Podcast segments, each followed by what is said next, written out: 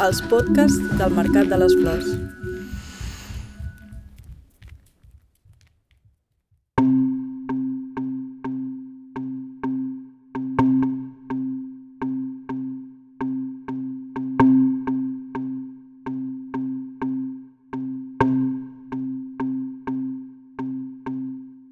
Africa Moment és una trobada que té lloc anualment des de l'any 2017, amb la voluntat de generar espais de creació i reflexió a través del cos per posicionar la creació africana i la seva diàspora dins el panorama internacional.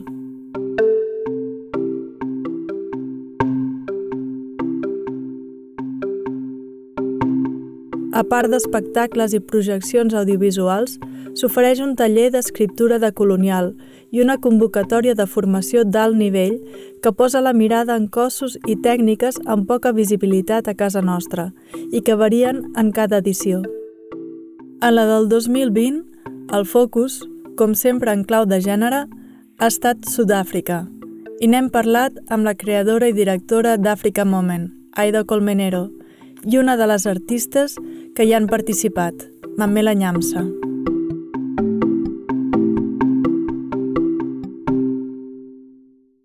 Yo creo que era para mí como una responsabilidad eh, como artista y como ser humano, que llevo trabajando como 15 años, 20 años en el continente africano, decir, ¿por qué esto no pasa aquí? ¿Por qué estos profesionales que trabajan aquí eh, no tienen acceso a ir al teatro a ver otro tipo de creaciones eh, en el Instituto del Teatro, en formaciones académicas? ¿Por qué no tienen acceso a otro tipo de cuerpos, otro tipo de herramientas, otro tipo... Fa 20 anys Colmenero va entrar en contacte amb Àfrica. Creadora polifacètica, coreògrafa i també actriu, des del 2013 ha fet diversos curtmetratges i peces de dansa amb joves coreògrafes africanes, dins d'un projecte que ha titulat Ella Poema. Però tot va començar durant els seus estudis teatrals a l'escola de Cristina Rota, de Madrid. Yo tenía una profesora maravillosa que se llama Eliani Capitoni, de Brasil, que impartía um, danza afro-brasileña y también trabajaba, o sea, es una, es una escuela Cristina Rota de, de, teatro, pero trabaja en el cuerpo como base de todo, ¿no? Entonces eh, tenía clases de danza contemporánea con 10 y 10 danza en aquel entonces, Pedro y Mónica, mis maestros, y de repente, no sé, yo de repente digo, tengo que ir a África, tengo que ir a África, no sé por qué, y, y nada, pues me metí en internet hace muchos años y y pues el primer sitio que fui, me, me fui, me fui ahí, hace ya casi 20 años puede ser, y, y ahí empecé la aventura de, ir a Dakar, y investigar y empezar a encontrarme con algo que totalmente desconocía, que era toda la creación contemporánea. Yo era una ignorante completamente y quizás este despertar del mundo contemporáneo es lo que yo ahora quiero intentar transmitir a todo el público normal. Àfrica és un continent de 30 milions de quilòmetres quadrats, composat per 54 estats, on podria encabir-s'hi Estats Units, la Xina, l'Índia i una part d'Europa, on hi viuen mil milions d'individus i la seva creació és igualment vasta i extensa. Bueno, pues primero la danza en África, es que esto es, es como decir, ¿qué significa la danza en Europa? ¿no? Es como el, el, el gran tópico de, hablar de un continente entero de danza es, es, es, como muy pesado y muy difícil. Y mm, claro que puedo decir que la danza es algo uh, eh, primordial o algo que está en que no se cohibe. Por ejemplo, la danza en el continente africano no se cohibe tanto como en Europa. Si pudiera diferenciar en grandes rasgos, no se cohibe, se da espacio, se deja, se permite que esté. Y creo que aquí en Europa, si podremos decir en todo el continente, eh, los niños ya empezando, cuando no, tú naces y empiezas a moverte como loco y a bailar, ya molestas, molestas cuando haces ruido, molestas cuando lloras, cuando molestas cuando te expresas. Entonces esto hace que el niño vaya um, desarrollándose no a través del cuerpo, ¿no? sino a través de las restricciones corporales. Y creo que esto que hace culturalmente pues, eh, produzca que la danza no esté tan presente y que solo casi veamos la danza en el teatro o si vas a estudiar danza. Això fa que la presència de la dansa a nivell social sigui molt diferent que Europa, però dins del continent, cada país té la seva pròpia història de la dansa. La primera companyia de dansa contemporània, Kiji Mabok, es va crear el 1985 a Costa d'Ivori, encara que segurament l'estructura amb més projecció internacional sigui l'Escola de Sables, Centre Internacional de Formació i Creació de Danses Tradicionals i Contemporànies d'Àfrica, que va fundar la llegendària Germaine Cogny, el 1994 al Senegal, una escola oberta a africans i estrangers, on Aida Colmenero ha estudiat i dona classes. Per a Burkina Faso, la relació amb Brussel·les ha estat molt important, mentre que Marroc ha tingut un contacte més constant amb tota Europa. A Mali hi treballa la coreògrafa haitiana Ketli Noel, on ha creat un festival de dansa contemporània. De Nigèria prové el coreògraf Kudu Sonikeko, que l'any passat va estar a Barcelona. Si bé Sud-àfrica és el país on els seus creadors han viatjat més. I malgrat totes les diferències, hi ha dos aspectes on es connecten les diferents regions africanes, el ritme i l'espiritualitat. Ho expliquen tant Mamela Nyamsa com Aida Colmenero. So each religion, region or, or religion or tribe or, um, has its own dance, but for some reason they they all kind of um, have something that bonds them together. You know, because if if you if I go to a different country and people are doing are playing drums, I can also play my own African dance from South Africa within their, those drums. So there's something that is like spiritual when we all do African dance. But in terms of it as um, how different it is, it's different, but there's a spiritual calling, there's a spiritual thing that gets awoke when you do African dance. For me, for me, because um, it's, it's, it's like you're calling the ancestors, you know? So, and ancestors in Africa are huge. They come from different parts of Africa, different regions. Yo creo que la aportación de cualquier coreógrafo que trabaja en África y que vive en África uh, puede ser su manera de concebir el cuerpo, ¿no? que no es solo una manera física, sino espiritual. Entonces, este trabajo espiritual o energético, como cada uno lo quiera llamar esta palabra, ¿no? que hay algo más que la parte física de hueso. Eh, pero que también la parte energética es física, ¿no? que sea algo electromagnético, electro, eh, ultrasonido, que también es incluso es química, física. ¿no? Eh, pero yo creo que es esta concepción de, de entender el, artista como un todo y su relación con el universo entero, que esto creo que a veces quizás, ya te digo, es muy difícil porque hablar como hay coreógrafos de aquí que también tienen esta visión, ¿no? Pero quizás a veces quizás en Europa, pero es como generalizar mucho, pero como que se, se, entiende más de la parte, o se trabaja más de, o de una manera abstracta o de una manera muy física de cuerpo y punto. Pero en un todo, en un todo de lo que significa la responsabilidad social, política, eh, económica de un artista en este mundo, creo que esto lo tienen como muy claro la mayoría de los coreógrafos que, que viven y trabajan en el continente africano. Creo que esta aportación de responsabilidad política, de qué significa un cuerpo negro en escena, pues esto hace que también sus creaciones sean diferentes. Creo que esto es, bueno, es normal, dependiendo de tu historia, pues vas a crear de una manera diferente. Si no has tenido ningún problema político, social o económico durante toda tu trayectoria desde en esta vida, desde que has nacido, pues tus creaciones pueden tratar de, de la luz simplemente, ¿no? Pero una persona que ha estado uh, con dificultades simplemente por ser eh, ser, ser en una cola de un supermercado, ser en una, en, una, en una cola de un aeropuerto, pues esto hace que tus creaciones pues, eh, se modifiquen. No?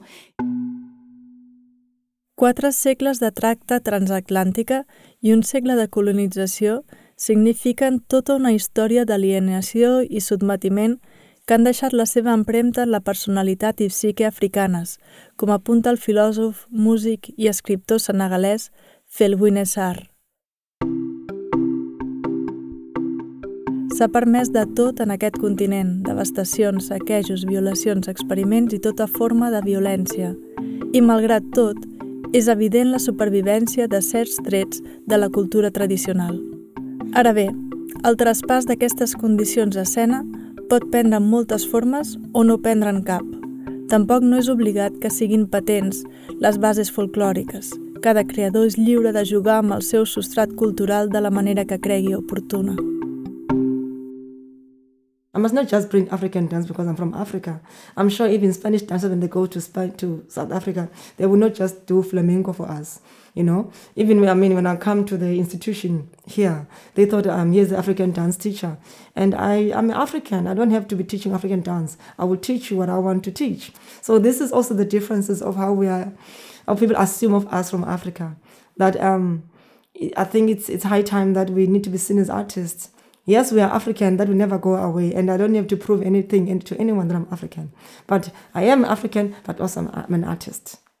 Qualsevol tècnica de dansa africana pot creuar-se amb la tècnica de dansa clàssica, encara que aquesta formi part del que el filòsof congolès Yves Modimbe anomena la biblioteca colonial, un conjunt de textos i mirades externes que s'apliquen al continent africà sense passar pel pensament propi. De fet, la dansa clàssica és la primera formació que va rebre Mamela Nyamsa, gràcies a la seva àvia, que no va parar d'insistir fins que va obtenir una plaça en l'única escola de dansa, on només hi feien classes de ballet, del gueto de Guguleto, on vivien, i que formava part d'un projecte de patrocini d'alguns empresaris blancs que en ple apartheid organitzaven espais d'oci per als joves negres i així els treien del carrer. Anys després, Nyamsa va anar a Nova York amb una beca, a l'escola d'Alvin Alley. Però la dansa clàssica continua present al continent africà, encara que Mamela Nyamsa qüestiona la falta de models propis. It was so foreign, it was, um, and I was the only black woman in class, it was tough in Pretoria. And then I, I had a love and hate relationship with it, because of course I've learned all the disciplines, discipline from it. But then um, it did not like me as a black woman. So I decided when I grow up that okay, I will have to use my body differently. Maybe I think as a South African woman, I feel I still feel that we need many black um, women ballet teachers, black women, so that black women can relate. Si bé, musicalment parlant, tenim força clara l'aportació de la cultura negra, com posa de relleu l'obra de l'afroamericà Tony Cox en una exposició al MACBA els mateixos dies que Africa Moment es presentava al Mercat de les Flors, a nivell coreogràfic no se n'ha parlat gaire. A nivel de las mayores estrellas de, de hasta de Beyoncé, hasta, eh, o sea, en el fondo todos están, todos están cogiendo de, de, de, África como fuente de inspiración, lo que pasa que no ha sido visibilizada y reconocida. ¿Pero por qué? Porque el problema que tenemos siempre los coreógrafos y bailarines no queda registrado. Entonces es más fácil uh, robar movimientos, inspirarte en movimientos de danzas, que es siempre esta cosa de la danza, cómo registramos, cómo la, cómo la damos el valor, cómo, cómo la pero eso, siempre la danza es como, bueno, es, es, no, no pertenece a nadie, ¿no? Esta cosa de propiedad, es lo que no me salía la palabra. La propiedad del movimiento es mucho más difícil uh, justificarla. Si hablamos en materia de música, pues todos los derechos de propiedad es como mucho más fácil porque quedan registrados. Y pero claro, el movimiento como lo... como, y es verdad que Kudus o Nikeku está intentando hacer este trabajo de, de, de cómo cómo, cómo clasificar para que todo este trabajo que, que, está siendo robado en el continente africano, inspirado y no reconocido, está investigando por ahí a ver cómo podemos uh, hablar de propiedad intelectual en materia de movimiento. És difícil, però ahí està en este trabajo d'investigació. El... el problema del reconeixement de la dansa se li suma el del reconeixement del valor de la negritud i el del reconeixement del valor de les dones. Com contraposar la mirada colonial i patriarcal, que és un llegat colonial més, amb una comprensió d'un mateix sense referència als estàndards de l'altre? Els tòpics sobre l'Àfrica estan tan fortament arrelats en un pessimisme i a una cosmologia occidental que són difícils de desprendre-se'n, fins i tot quan els coneixes. Perquè bueno, es mundial el problema de no tener visibilidad como creadoras, es siempre no, este no reconocimiento, esto de tener que hacer doblemente tu trabajo para poder ser reconocida. Entonces yo creo que esto está, eh, esto está en mí, esto está en mí como, como ser, Aida, es mi intención, mi propuesta, mi manifiesto. Y es verdad que de doble filo el cuerpo de la mujer negra aquí ha sido representado siempre en términos de pobreza, que si hablamos que África es pobre, los más pobres son los bebés, los niños y las mamás, es decir, las mamás, ¿sabes? Como los grandes premios de fotografía que se han ganado o las imágenes que tú puedes tener de una mujer africana normalmente son todos relacionados con mujeres de la guerra y con niños con el vientre inflado, muertos de hambre, ¿no? Entonces esta cuestión de maternidad y esta cuestión de pobreza, pues yo estaba muy cansada porque yo llevo viviendo 15 años en el continente y yo solo encuentro mujeres llenas de poder, eh, creadoras, con una belleza inmensa. Y no solo en las mujeres, sino en cada uno de los lugares en, lo que yo, en los que yo he trabajado y todo. Entonces llegar aquí siempre, me cachis en la mar, debe encontrar siempre esto, y, eh, envía dinero a estos niños que están muy... O sea, que sí hay pobreza, pero también hay pobreza en España, hay pobreza mundial y, y no quiero decir que no haya pobreza, pero pero yo quiero dar valor y quiero sobre todo presentar a mujeres que están llenas de belleza y que son capaces de hablar de cualquier cosa. La mare de Mamela Nyamsa va ser violada i assassinada l'any 1999. Des d'aquell moment, la coreògrafa va decidir que la dansa havia de servir per explicar històries reals, sovint biogràfiques i sempre universals.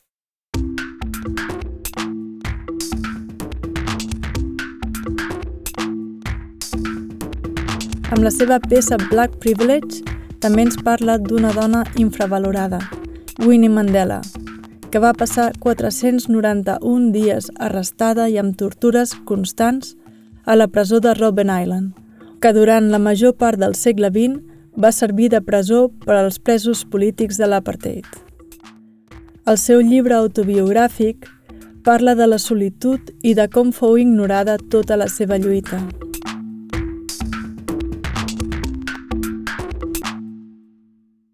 She was the force behind Mandela. But the main person was actually celebrated was Mandela. And when she, um, I mean, at some point, of course, Mandela divorced her. So she was actually on the side whereas she was the force behind Mandela. And I would say she was the midwife of South Africa today, but nobody really gave her that recognition. Probably she got that, that recognition on her deathbed because that's when we realized how important this woman was. And what was fun is that when I was reading about her book, she was still alive. And I, when I was creating this work, she was still alive. But then when I premiered the work, just about to premiere, she passed away for me that was like oh my god here i am researching about a woman who's so powerful. And um and then a few months later she passed away.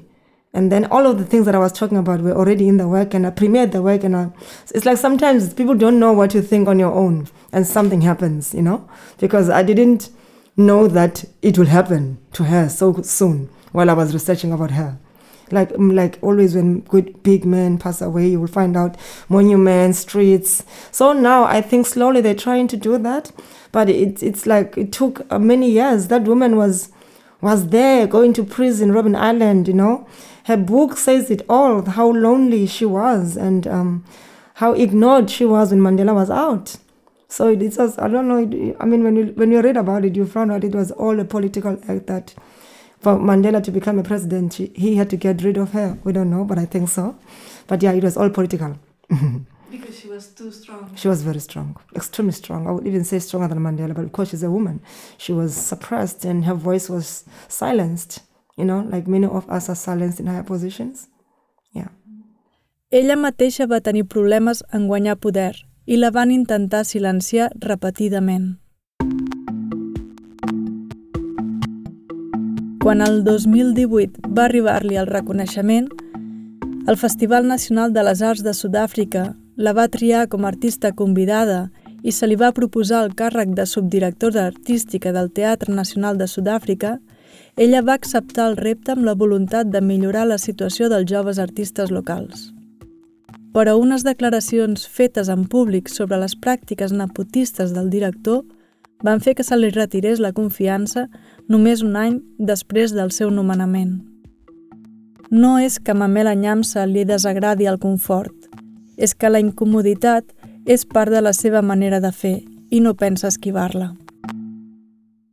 Because um, black privilege was actually created before being dismissed at work. What was funny is that um, when I was in Germany, when I performed this work in Hau Berlin in Germany, another theater, one journalist asked me, since you always create from your dreams and you always create things that happen or that could happen, do you think this work would, do you think what you're doing that could happen to you? And at that time, I was not dismissed. And then I said, it's kind of a scary one because if it happens, it's going to be a very painful thing. And it happened. I was taken from a high position of power to down on the floor, and it was very painful. So I've lived a black privilege. So I'm talking about something that I've lived. Men don't want to be challenged by women. Men don't want their authorities to be challenged by women. So it's all, it's it's always us fighting against this thick wall. Don't want to let go and actually don't want to shift so new spaces for new voices. So that's why I was fired for actually having power. you know.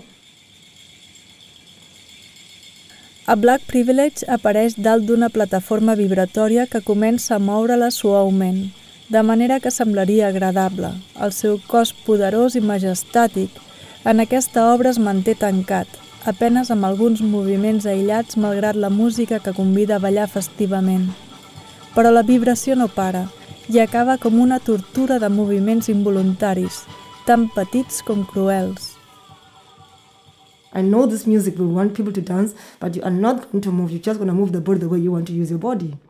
So that is actually everything was chosen for a specific um, way. How I wanted to be seen, how I wanted to be viewed, how I want people to feel the work, how I wanted people to to react to the work, and also not to even have an applaud because why would you clap for something like that? Because also as well I've shifted the gaze because I am exhibited I'm an artist, I'm an art piece. And also at, at the end, you also see that I could be in a human zoo, which is also sometimes you will see um, these galleries. There's also objects from Africa that are being exhibited. And also in the past, there were women in Africa exhibited, like Sarah Batmans. A la peça hi ha un personatge masculí que és qui mou la plataforma on està enfilada, qui la condueix fins a l'escenari i qui dona les indicacions al públic per seure, aixecar-se, mirar aquí o allà, fins que en un moment donat decideix que s'ha acabat i ens fa sortir de la sala, sense aplaudir. I així, el públic perd el seu petit privilegi d'aplaudir més o menys, gens o molt.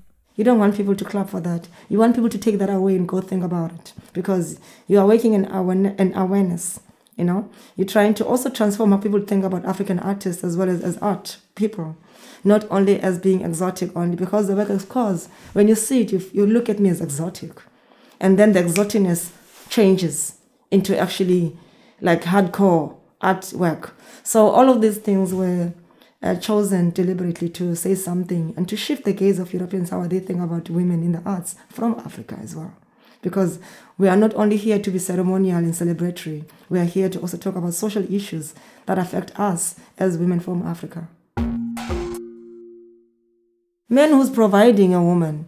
But the same man is the man who actually rapes a woman, tortures a woman, verbally abusing a woman, emotionally abuses a woman. But the same man is also controlled by the different system, another system. Sometimes um, when we try to speak about apartheid, we realize also men are being treated like garden boys, little men, when they come home, they want to gain their power through their woman, which is causing all the violence at home. This is something that we don't talk about, but sometimes you realize that you ask yourself, what causes these violences?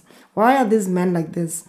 But they are also violated by the other. So this was also shifting the gaze of how Europeans have taken us or how we have been used as human zoo. And also um, how we come as gold, as rich in Africa, but our minerals are taken from us. If you see, everything was gone, you know? No només és el dia a dia el que alimenta les seves obres. L'univers de referències de Mamela Nyamsa engloba una cosmologia animista i de temporalitats confluents, passat, present i futur, s'enllacen, i el món dels somnis és viscut com una font de material i guia. Sometimes they're clear, sometimes they're not clear. Sometimes I dream something, I can't remember it. If I, if I didn't wake up and write it, it's gone. So I've learned to actually understand that when I dream something, I need to wake up, write it down immediately, and then go back to sleep. yeah. And they always come in the quiet times, like early, it's either early morning, 4 a.m. or 5 a.m. or 3 a.m. or 2 a.m. when you can't sleep, you know. So, and then you wake up and then you write about it. mostly like interesting things sometimes, even a little thing, you know, even like eh, like me maybe biting my nails. I saw myself in the in the dream biting my nails in that ladder, and I did it. And it's something so little, so it comes like that, you know. It's like little things. I love little things because they say bigger things, and sometimes we underestimate the power of less. So this was me. I'm using less, but within that less, you can say a lot, because nail biting is many things. Biting your nails is many things. It's caused by a lot of things that you can think, and also the the, the what happens to women at home it's nail biting you know so it's things like that you know yeah La peça es va estrenar el 2018 a Sud-àfrica, durant la temporada en la que era artista de l'any. Mamela Nyamsa sempre estrena les seves peces al seu país. És una decisió política per compartir el seu art amb la seva gent i perquè, segons diu, és el lloc on se sent més creativa. Des d'Europa, Podríem pensar que no compartim els mateixos codis de lectura escènica, però l'origen africà de la peça no limita el seu abast, sinó que ens ajuda, a més, a observar la nostra mirada. I dance for all humans that are affected by anything that is actually affecting humans. So my work is all about humans, humanity.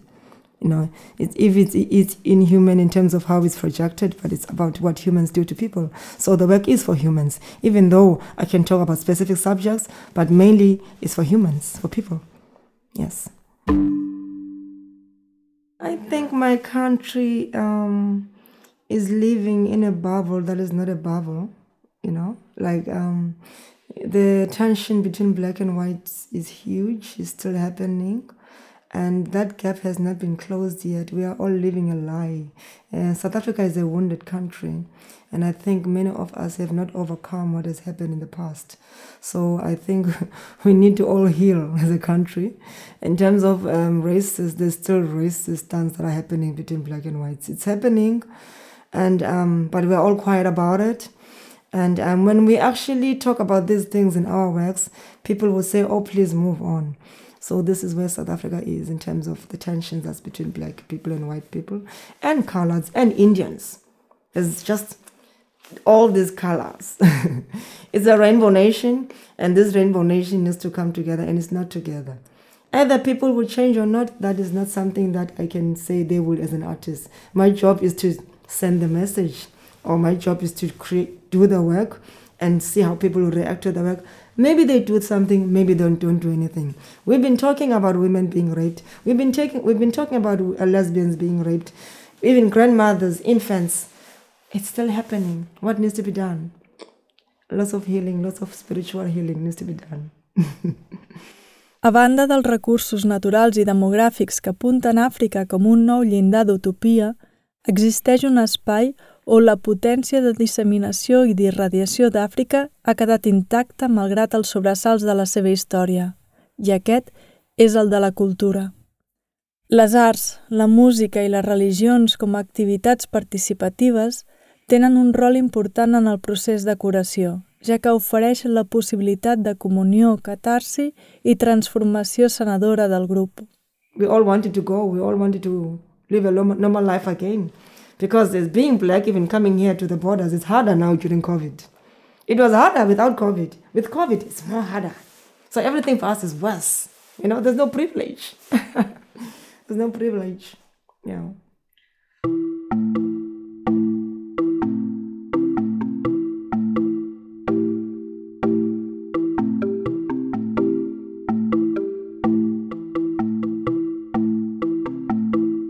Aquest és un podcast del Mercat de les Flors, Barcelona 2021.